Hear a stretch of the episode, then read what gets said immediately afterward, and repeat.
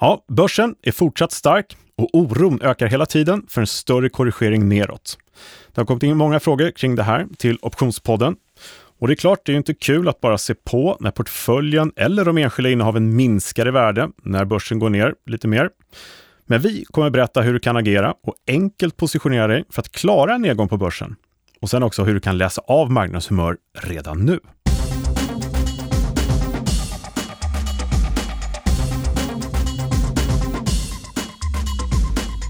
Ja, men välkommen till Optionspodden. Det här är podden så ger dig kunskaper som ingen privat eller professionell investerare på börsen borde vara utan.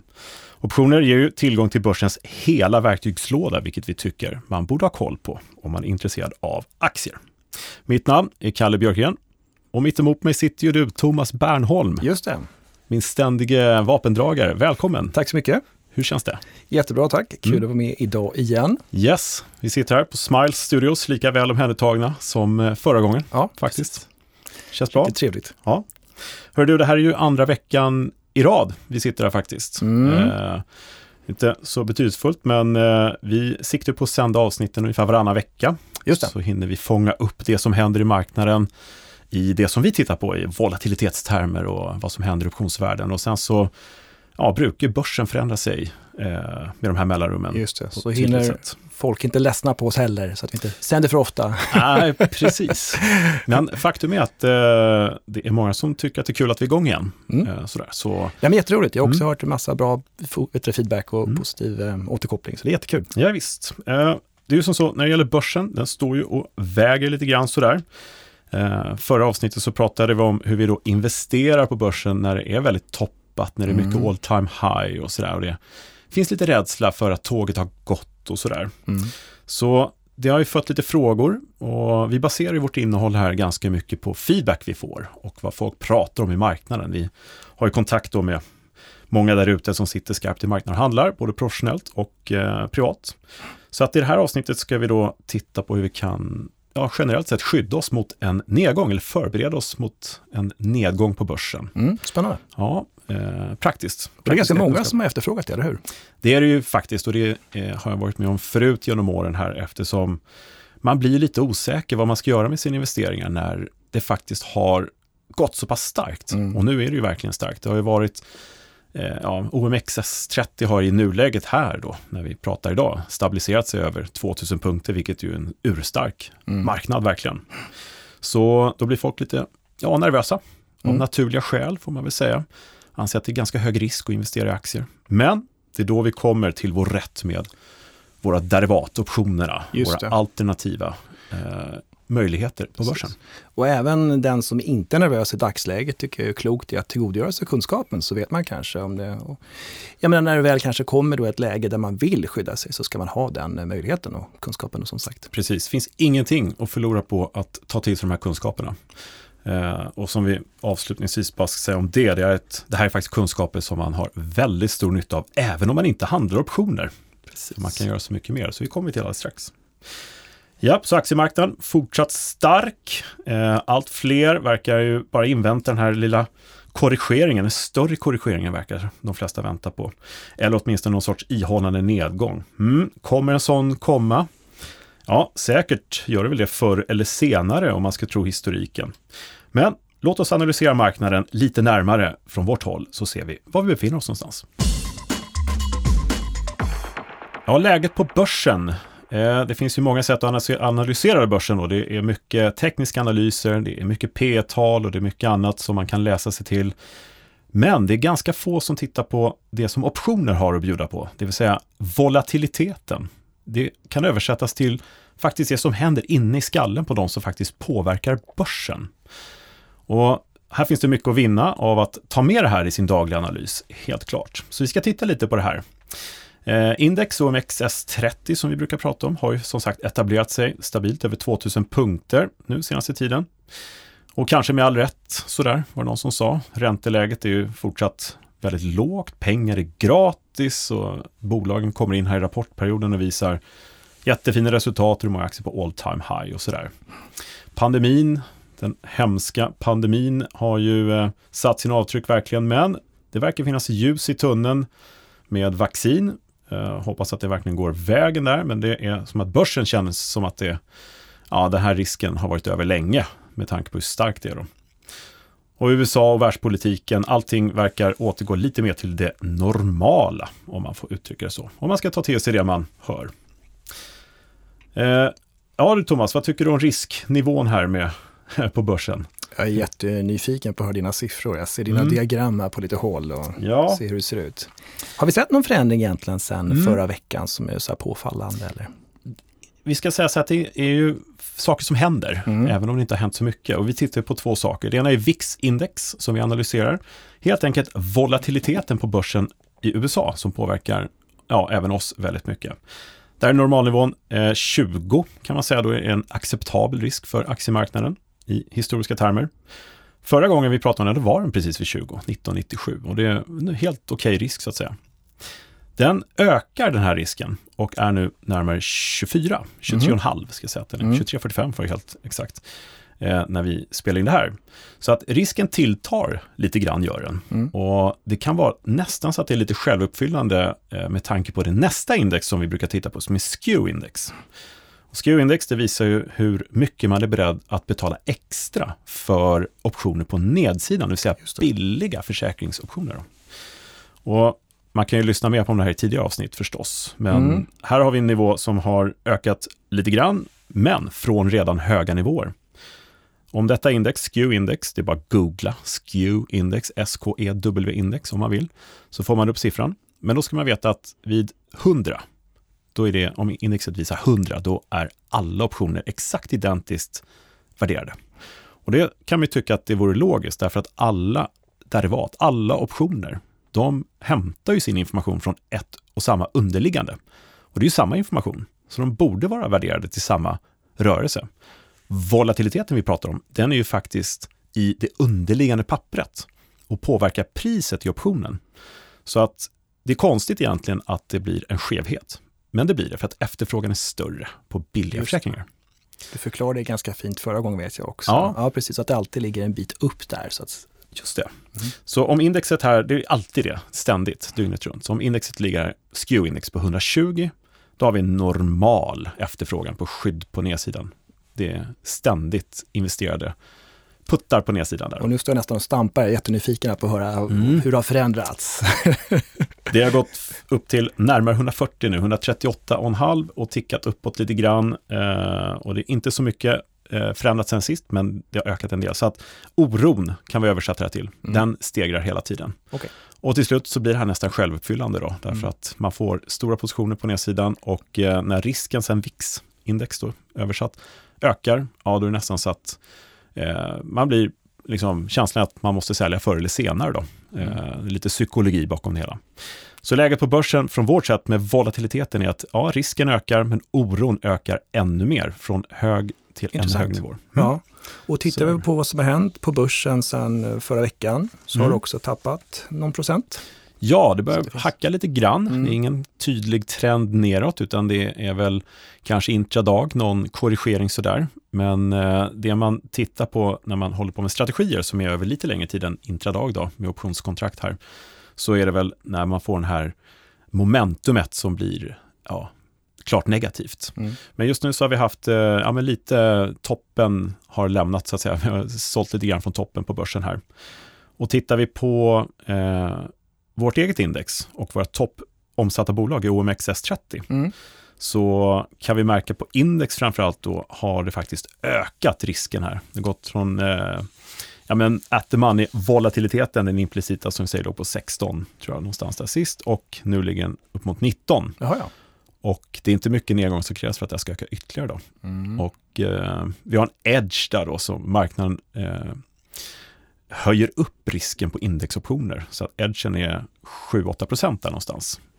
Så, så den implicita volatiliteten är 7-8% över den historiska då alltså? Just det, mm. man värderar upp risken i förhållande till hur faktiskt börsen har rört sig. Mm. Eh, så det var så index det då. var är, det- index, är det några andra sådana här drastiska saker eller några större saker som, som vi kan titta på som hänt sen senast? Det är någonting som sticker ut liksom? Ja, man kan ju då titta på den här. Jag gör ju en lista då på alla 30, så kan man gå in och se för sig själv på de bolag som eh, man själv är intresserad av. Men eh, någonting som jag tittat på lite extra, fått frågor om i Hennes och Maurits bland annat, som har en ganska låg historisk volatilitet på 17, har inte rört sig så mycket i risktermer, men där man värderar upp optionspremien ganska friskt. Så en hög edge där i Hennes Okej. och Maurits. Mm. Kan ha att göra med att historiskt har Hennes Mauritz varit lite ja, hårt åtgången, sådär. Men nu börjar det liksom gå åt rätt håll om man ska uttrycka på det sättet. Och har Ja. stigit kraftigt så finns en viss oro där, gör det. Eh, vi har även eh, ja, men exempelvis Evolution Gaming här, Mm. Evo. Eh, som också har en hög risk och den har ju gått väldigt, väldigt starkt och var nyligen på all time high-nivåer. Tappade lite grann därifrån och har eh, ja, en edge på ja, över 12 procent faktiskt.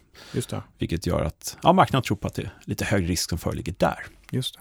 Jag tror att du har tagit upp det här tidigare, men Mm. kan man hitta den här informationen som, som du presenterar nu? Ja, jag har ju då, det här är en eh, lista som jag gör, jag sitter och räknar ut de här eh, nivåerna, volatilitetsnivåerna och allting. Mm. Eh, och jag försöker lägga ut den här på optionsbloggen. Eh, den är lite under construction just nu, men Mm. där brukar det finnas. Och sen så lägger jag ut det då i mina övriga sociala medier, försöker det. jag göra. Så eh, det är bara att kolla där, eller hör av er. Så, Och då pratar vi optionsbloggen.se. yes, Mm. där finns, ska det finnas det mesta och där finns det ju mycket material att ta av.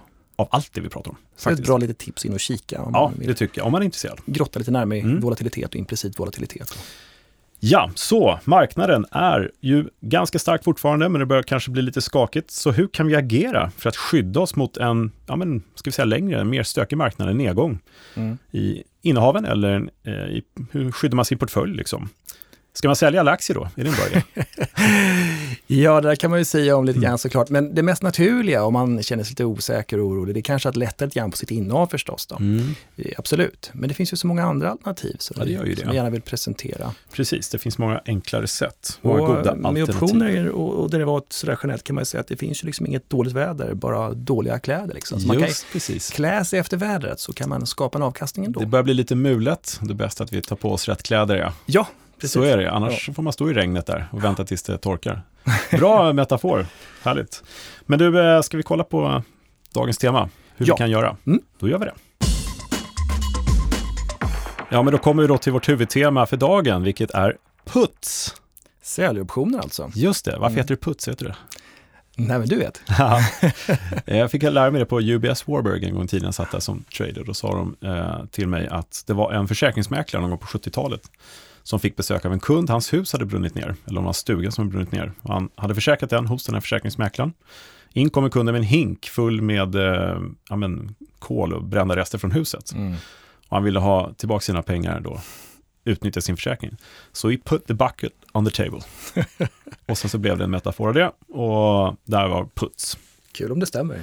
Ja, jag Lite tar långsökt. inga, jag garanterar ingenting. Nej, visst. men De kanske skojade med dig där borta. Mm. Vem vet. Nej, men puts, hur klarar man en nedgång på börs, Mm. börsen? Och i det enkla, puts kan hjälpa till väldigt, väldigt mycket. Så vad är en putt egentligen? Vad ger den oss? Vad, hur funkar den helt enkelt? Ja, en putt är alltså rätten att sälja till exempel en aktie eller ett index till en viss pris inom en viss tid. Mm. Inga konstigheter. Och det är när man tror på nedgång i den underliggande varan då, sen på börsen eller innehavet. Och en putt ger möjlighet att sälja sin aktie eller indexet, men ingen skyldighet. Exakt. Eh, Det handlar om att försäkra eller skydda sin aktie eller portfölj, vilket i nuläget kan vara ganska ja, men, praktiskt kanske. Eh, Det kan också ge en potentiellt hög avkastning via en hävstång i de här kontrakten. Och det ska vi inte gå in på för mycket här och nu, men det är därför de här nedsidesputtarna på index är väldigt attraktiva. Mm. Går ner väldigt, väldigt mycket, då blir det en hög hävstång i dem, så får man eh, lite extra betalt om man säger, de blir uppvärderade väldigt snabbt. Och eh, det enda vi kan förlora när vi köper en option, vi betalar ju en premie då, ett pris för option, och det enda vi kan förlora. Eh, Exakt. Men man ska inte glömma då att man förlorar 100% av det man har betalat. Även om det bara är några hundralappar så är det det man förlorar. Men det är bara det. Precis, så länge man inte kliver ur i god tid och man känner att det går kanske inte riktigt som man tänkte så kan man alltid stänga positionen. Ja, precis så. Exakt. Eh, ja, en köpa en putt i all enkelhet. Det är, eh, som sagt, vid negativ marknadstro och det är väldigt bra om det är en nedåtgående marknad i ganska hög takt. Mm. Det blir väldigt stökigt här då, vilket jag tycker har fått indikationer på att det är där oron ligger lite grann. Det är väldigt få som tror på att det ska ja, gå ner lugnt och fint då över några månader, utan många förväntar sig nästan den här 10-20-procentiga nedgången på kort tid. Just det. Och om det är det man verkligen tror på, då är ju faktiskt en putt, ett enda köpt puttkontrakt väldigt bra. Mm. Vi kommer till det sen, man kan ju göra puttspread och annat som är lite lindrigare sådär så att säga. Just det. Ja, men det är väl vettigt att börja med den köpta säljoptionen, Ja. köpta putten till att börja med, så kan vi vidareutveckla lite grann. Precis. Så vi kan ju ta ett exempel helt enkelt. Eh, ett enkelt exempel om vi har eh, eh, ett aktiebolag som heter, ett aktiebolag, eh, som heter vad som helst ABC, vi äger 100 aktier där och aktiekursen står i 100. Och sen tror vi att det här bolaget ska gå ner, det kan ju vara någonting just det här bolaget som är att de kanske missar en stor order eller någonting som vi gör att vi tror att aktien kan falla, vi är oroliga för det. Vi sover helt enkelt inte gott med vårt aktieinnehav och då är det läge att agera, så jag säga. Eh, Men vi vill behålla aktierna om bolaget ändå får den här ordern eller om nedgången uteblir. Men vi vill skydda dem om det nu är så att olyckan är framme. Det är då vi kan köpa en säljoption, en putt alltså. Och då kan vi köpa den till lösenpriset, just 100, som i alla fall då kallas för at the money, för det är där aktien ligger. Eh, Och komplettera vårt aktieinnehav med just en så här köpt säljoption. Just det. Det är kanon. Och jag tycker att du tar upp en jätteviktig sak där, för att tack vare att du köper den här säljoptionen och behåller aktierna så har du fortfarande uppsidan kvar. Du får såklart köpa då ett skydd, en försäkring på Mm. nedsidan. Det kostar lite grann och det tar lite grann kanske av din avkastning. Men din marknadstro för stunden är att det ska gå ner lite grann. Men skulle det däremot gå upp så har du faktiskt fortfarande möjlighet att tjäna pengar på dina aktier. Ja, Och eh, om vi nu ska återknyta till det vi sa här inledningsvis, det att eh, det naturliga och kanske spontana, att man kanske lättar lite grann på aktierna. Man, man säljer lite aktier om man är orolig. Mm. Och sagt, det är ett alternativ, men här har du alltså en fördel tack vare att du kan fortsätta att eh, gynnas av uppgång. just det. Det är det som är det fina här. Så att eh, om du har normal prissättning till marknaden så kanske tar upp till 1,5-2% i Mm. aktien vid uppgång. Sen har du tjänat tillbaka de här pengarna. Men så länge optionskontraktet gäller så är du fortsatt skyddad på nedsidan. Mm. Så det är ganska attraktivt. Det är helt enkelt en, en försäkring som man har. Eh, och det är inte ofta man kan faktiskt eh, skryta med att man kan få tillbaka försäkringspremien på, på saker och ting. Nej. Sådär på olika saker. Ja. Eh, så att den här positionen, det är vad vi kallar för protective put. Och det är bra, nu har det kommit lite frågor om namnet på positionen så att säga. Jaha, det har jag inte sett faktiskt, de frågorna. Men, nej, nej. men det dyker upp med jämna mellanrum. Det Ja. finns något som heter married put också. Ja, just det. Och det är lite annorlunda. Då köper man aktie och säljoption exakt samtidigt. Ja, ja. Så det är bara lite, En liten petitess. ja, lite det. petitesser. Mm. Det är kul att veta kanske. Ja, men visst. Eh, så att eh, det här är ju någonting som man kan simulera, man kan titta på det och man kan självklart göra det på index också. Och vi har ju då på eh, bloggen massa exempel på hur vi kan genomgå de här olika strategierna med olika aktier eller index. Mm. Men är man orolig, ja då här är någonting som man kan titta på. Man behöver inte sälja alla aktier i portföljen och man behöver inte eh, lägga ner så väldigt mycket kapital, utan man köper sig helt enkelt försäkring om man tror att det är fara och färd på börsen. Mm. Och ska vi bygga vidare lite grann på lite exempel? Där du sa Mm. att vi köper 100 aktier så står det 100 kronor. Ja. Eh, och sen så har du då, eller du har köpt dem redan och så köper du en säljoption. Just det. Eh, Så vi kan köpa en stycken 100 putt till exempel, säg. mm, efter money som du sa. Ja, at the money. Så att betala för den 5 kronor. Mm. Och vad är det inte får glömma där? Det är en multiplikator. Just det, gånger 100, ja. Ja. precis. Så det är inte 5 kronor det kostar, utan 500 kronor. Mm. Eh, så vi betalar då 5 kronor per aktiepremie istället för bara 5 kronor, så det blir 500 kronor. Jag tycker att det är viktigt att eh, påminna om den, för att det misstag sker ibland. Ja. Så då har vi då rätten att sälja de här 100 aktierna vi äger för 100 kronor styck under hela optionens löptid. Vilket är då den tredje fredagen fram till en lösen månad, kanske två månader fram, eller vad man nu väljer. Mm. Det här är ju fina, man kan skräddarsy helt själv. Ju längre löptid, lite dyrare premie skulle vi säga förstås då. Och vad är riskerna med det här, eller på, liksom vinsterna så här? Risken är ju helt enkelt begränsad helt och hållet i kronor och ören till de här 500 kronorna. Som vi precis sa. Inga konstigheter. Vinsten är ju faktiskt obegränsad. En aktiekurs kan ju faktiskt fortfarande stiga högt som helst för precis det du sa. Mm. Så även om vi har gjort så att vi har rätten att sälja den här aktien, så behöver vi inte göra det. Vi har ju rätten men inte skyldigheten att göra det. Och då kan vi tjäna hur mycket som helst fortsatt på aktien. Vem vet, index kanske står i 3000 i jul. Precis. Ja, du skrattar, vem Ja, vet? nej, vet inte. Mm. Man kan ju vara så. Eh, Ja, precis. Mm. Nej, men det är Eh, sant. så att man vet ju inte, men det är inte det vi kanske tror innerst inne, någon av oss. Eh, I övrigt kan man ju säga då, eh, med den här ganska enkla, det är en av de fyra grundpositionerna som vi sitter och pratar om här. Ganska enkelt att genomföra, men ack praktiskt faktiskt. Eh, och vi kan säga också att när det är stark marknad som har varit nu, då är det ganska låg volatilitet generellt sett. Mm. Speciellt då enskilda aktier som gått väldigt bra. Vilket ger då billigare optionskontrakt. Precis. Ju högre volatilitet, desto högre sannolikhet att våra optioner kommer bli värda pengar. Men då blir de också dyrare.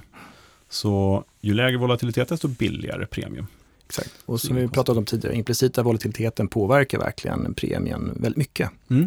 Så det, det gör det. Och därav den här Edge-listan är ganska bra att titta på. Ja. Vilka är som är dyra billiga just nu. Men nu har vi ett litet exempel här. Men hur ska mm. man då tänka? Eh, jag menar, vilken löptid ska jag välja och, och eh, mm. vilken strike, alltså vilket lösenpris ska jag välja och sådär. Och det är klart, det finns ju kanske ingen, ett givet svar. Det är ju helt upp till Nej. vad man tror. Just det. Är det korta perspektivet bara över någon vecka, men då finns det faktiskt veckoptioner som man inte behöver betala särskilt mycket för. Nej, en liten praktiskt. premie bara, precis. Mm. Ett skydd i det kortsiktiga.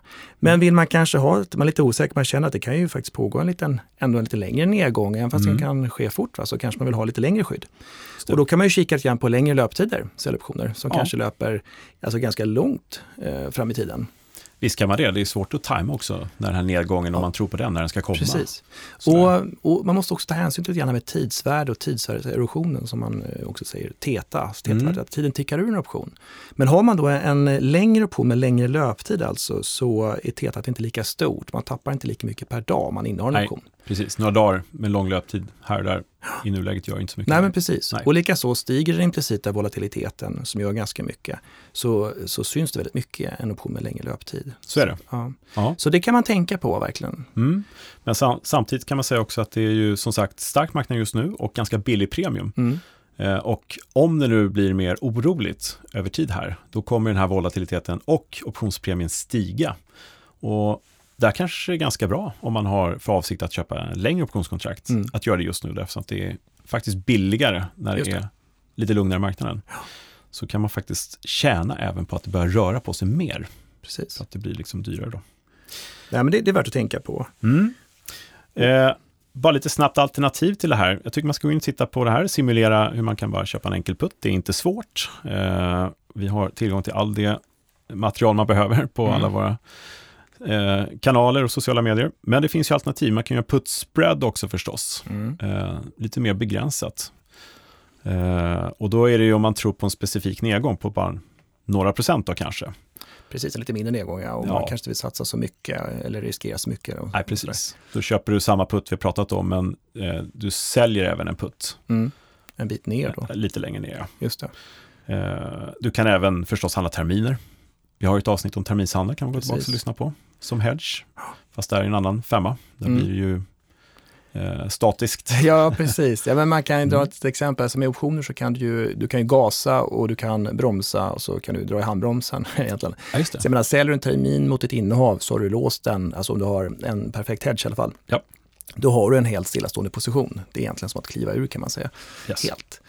Så. Och, Men vi pratade ju mm. spreadar, eller rätt sagt positiv prisspread, en kolspread förra gången ja. och pratade lite grann om eh, för och nackdelar med den och det kan vi såklart applicera på den här putspreaden vi pratar om idag mm. också. Så att eh, en putspread är kanske lite mer så om du tror att nedgången kommer kanske pågå lite längre tid och kanske inte så kraftig och sådär. Nej precis, den är lite segare och sådär, mm. bara lite, lite taskigare momentum över tid. Ja. Men jag tycker generellt med tanke på att optioner har så otroligt många möjligheter så tycker jag man ska liksom backa lite inför varje gång man ska då ta en, en position och titta egentligen på vad kan respektive grundposition göra för mig mm. och vad kan terminshandel göra för mig som du var inne på här. Jag menar de fyra grundpositionerna, en köpt köpoption, en utfärdad köpoption, en köpt säljoption och en utfärdad säljoption. Jag menar, du blir lång om du köper en, en köpoption. Just det, lång tjäna på uppgång. Ja. Ja. ja. och så utfärdar du köpoptionen så blir du kort eller kortare. Just det. Och likaså om du köper en putt så blir du kortare så att säga. Du har inte mm. samma exponering uppåt. Utfärdar en selektion så blir du längre, va? lång. Yes. Så att då kan man tänka, okej, okay, vill jag bli längre eller kortare så att säga mm. i marknaden? Så kan mm. man liksom titta lite grann, men jag kanske vill sälja lite tid. Då kanske jag vill sälja en köpoption och för den så kanske jag vill köpa en säljoption.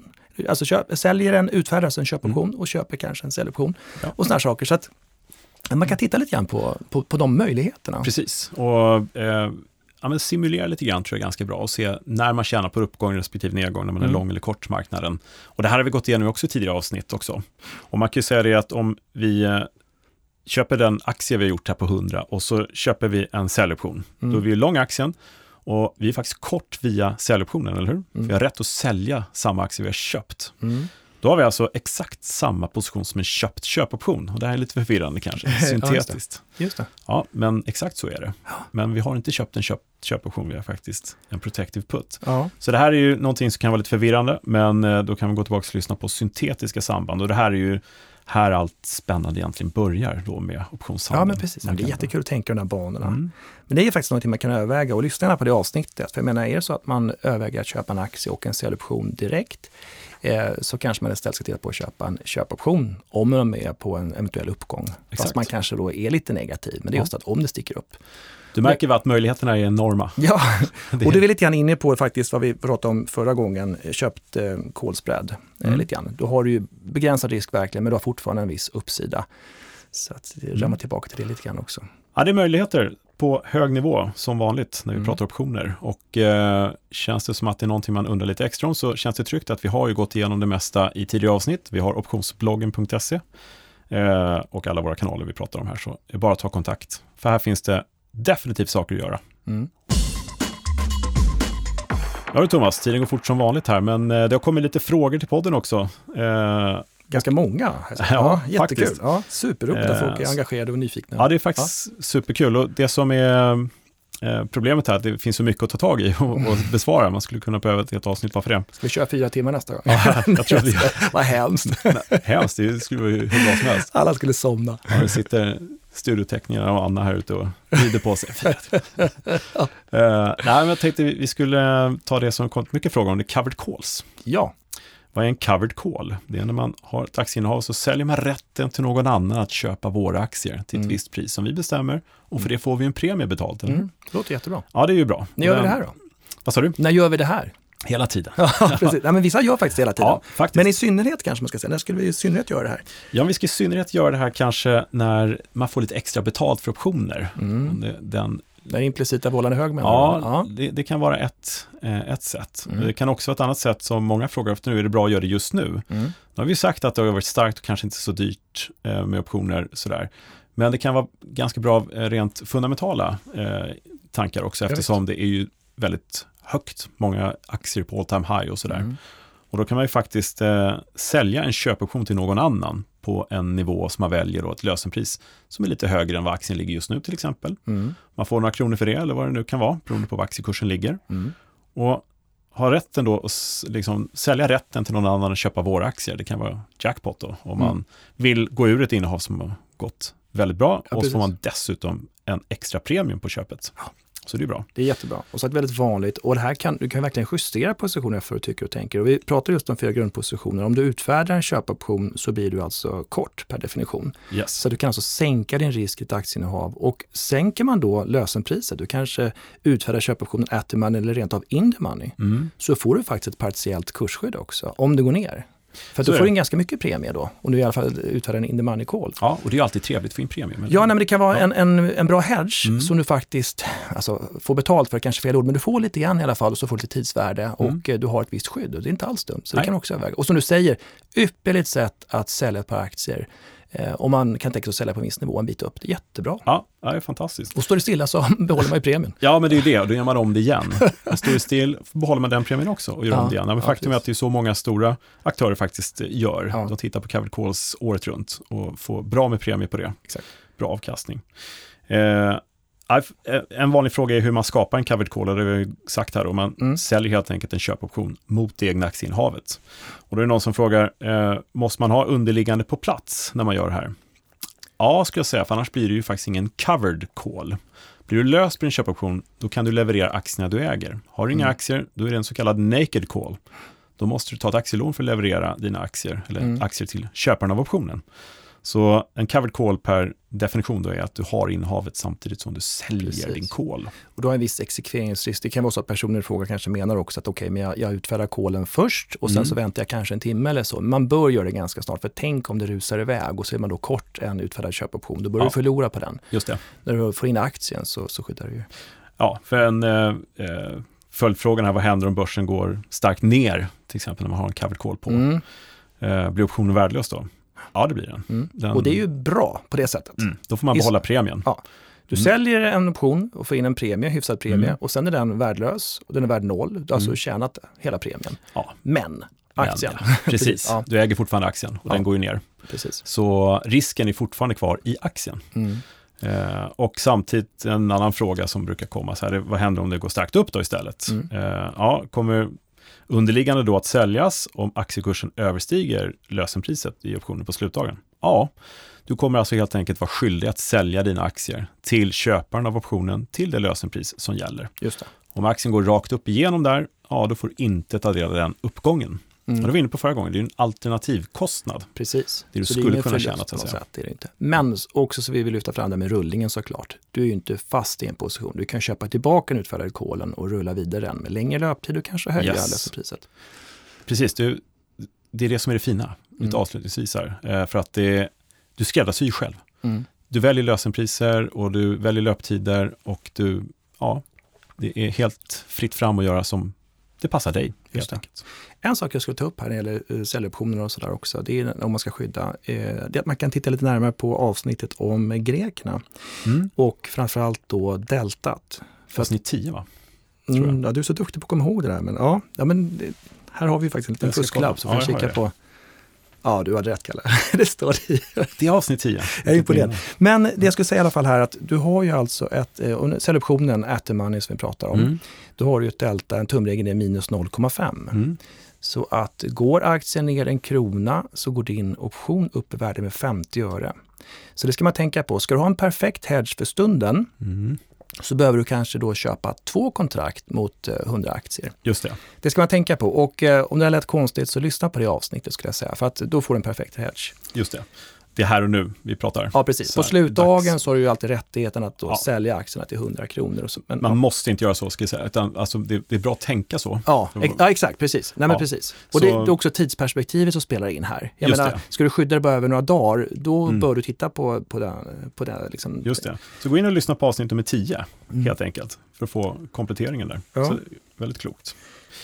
Jaha, tiden går fort som du brukar säga, som du nyligen sa. Eh, är det någonting mer vi ska avhandla? Eh, nej, egentligen skulle vi kunna köra en jingle där. Här kör vi en liten, eh, någon sorts jingle break här.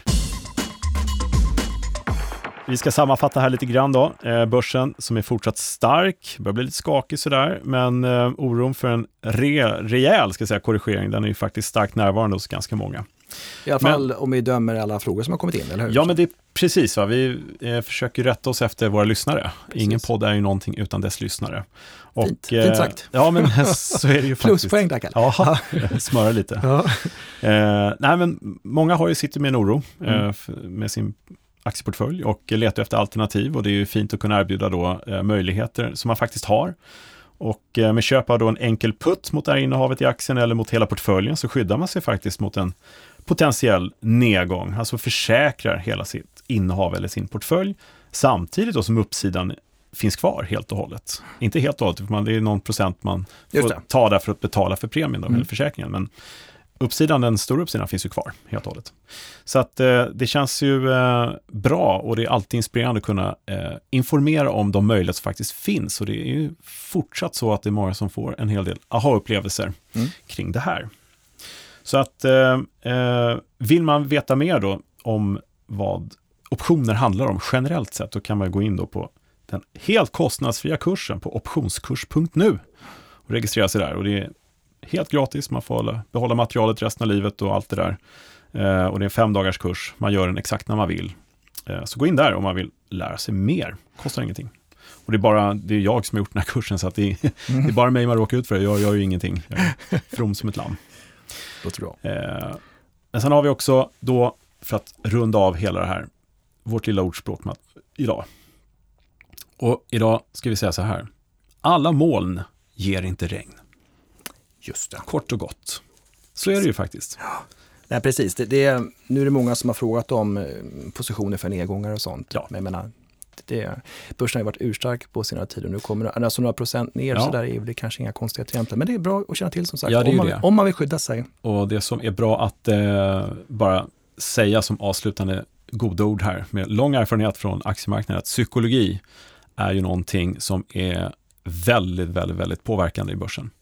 Eh, och eh, ja, Exakt. är det som så att det går ner en dag eftersom det har gått upp ett halvår så behöver det inte betyda att börsen kraschar Nej. i övermorgon utan eh, Men det är mänskligt, man reagerar på, Ja, man blir lite orolig sådär. exakt så. Mm. Mm.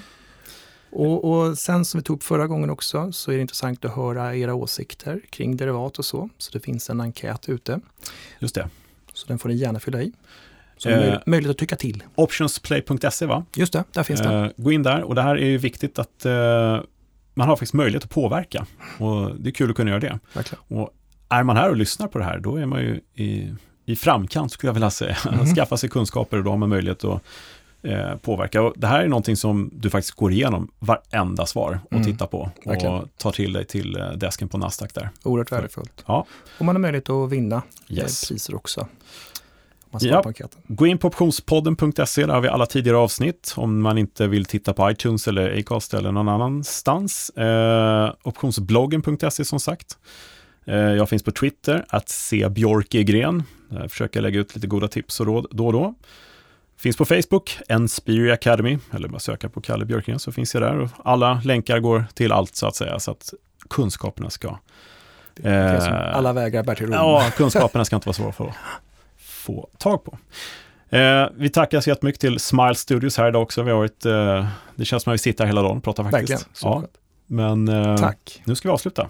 Håll utkik efter kommande avsnitt eh, för nya matnyttiga kunskaper. Stort tack Thomas för att du var med idag igen. Tack så mycket. Vi ses snart. Tack till alla. Ja, Fint. ha det bra. Hej. Hej, hej.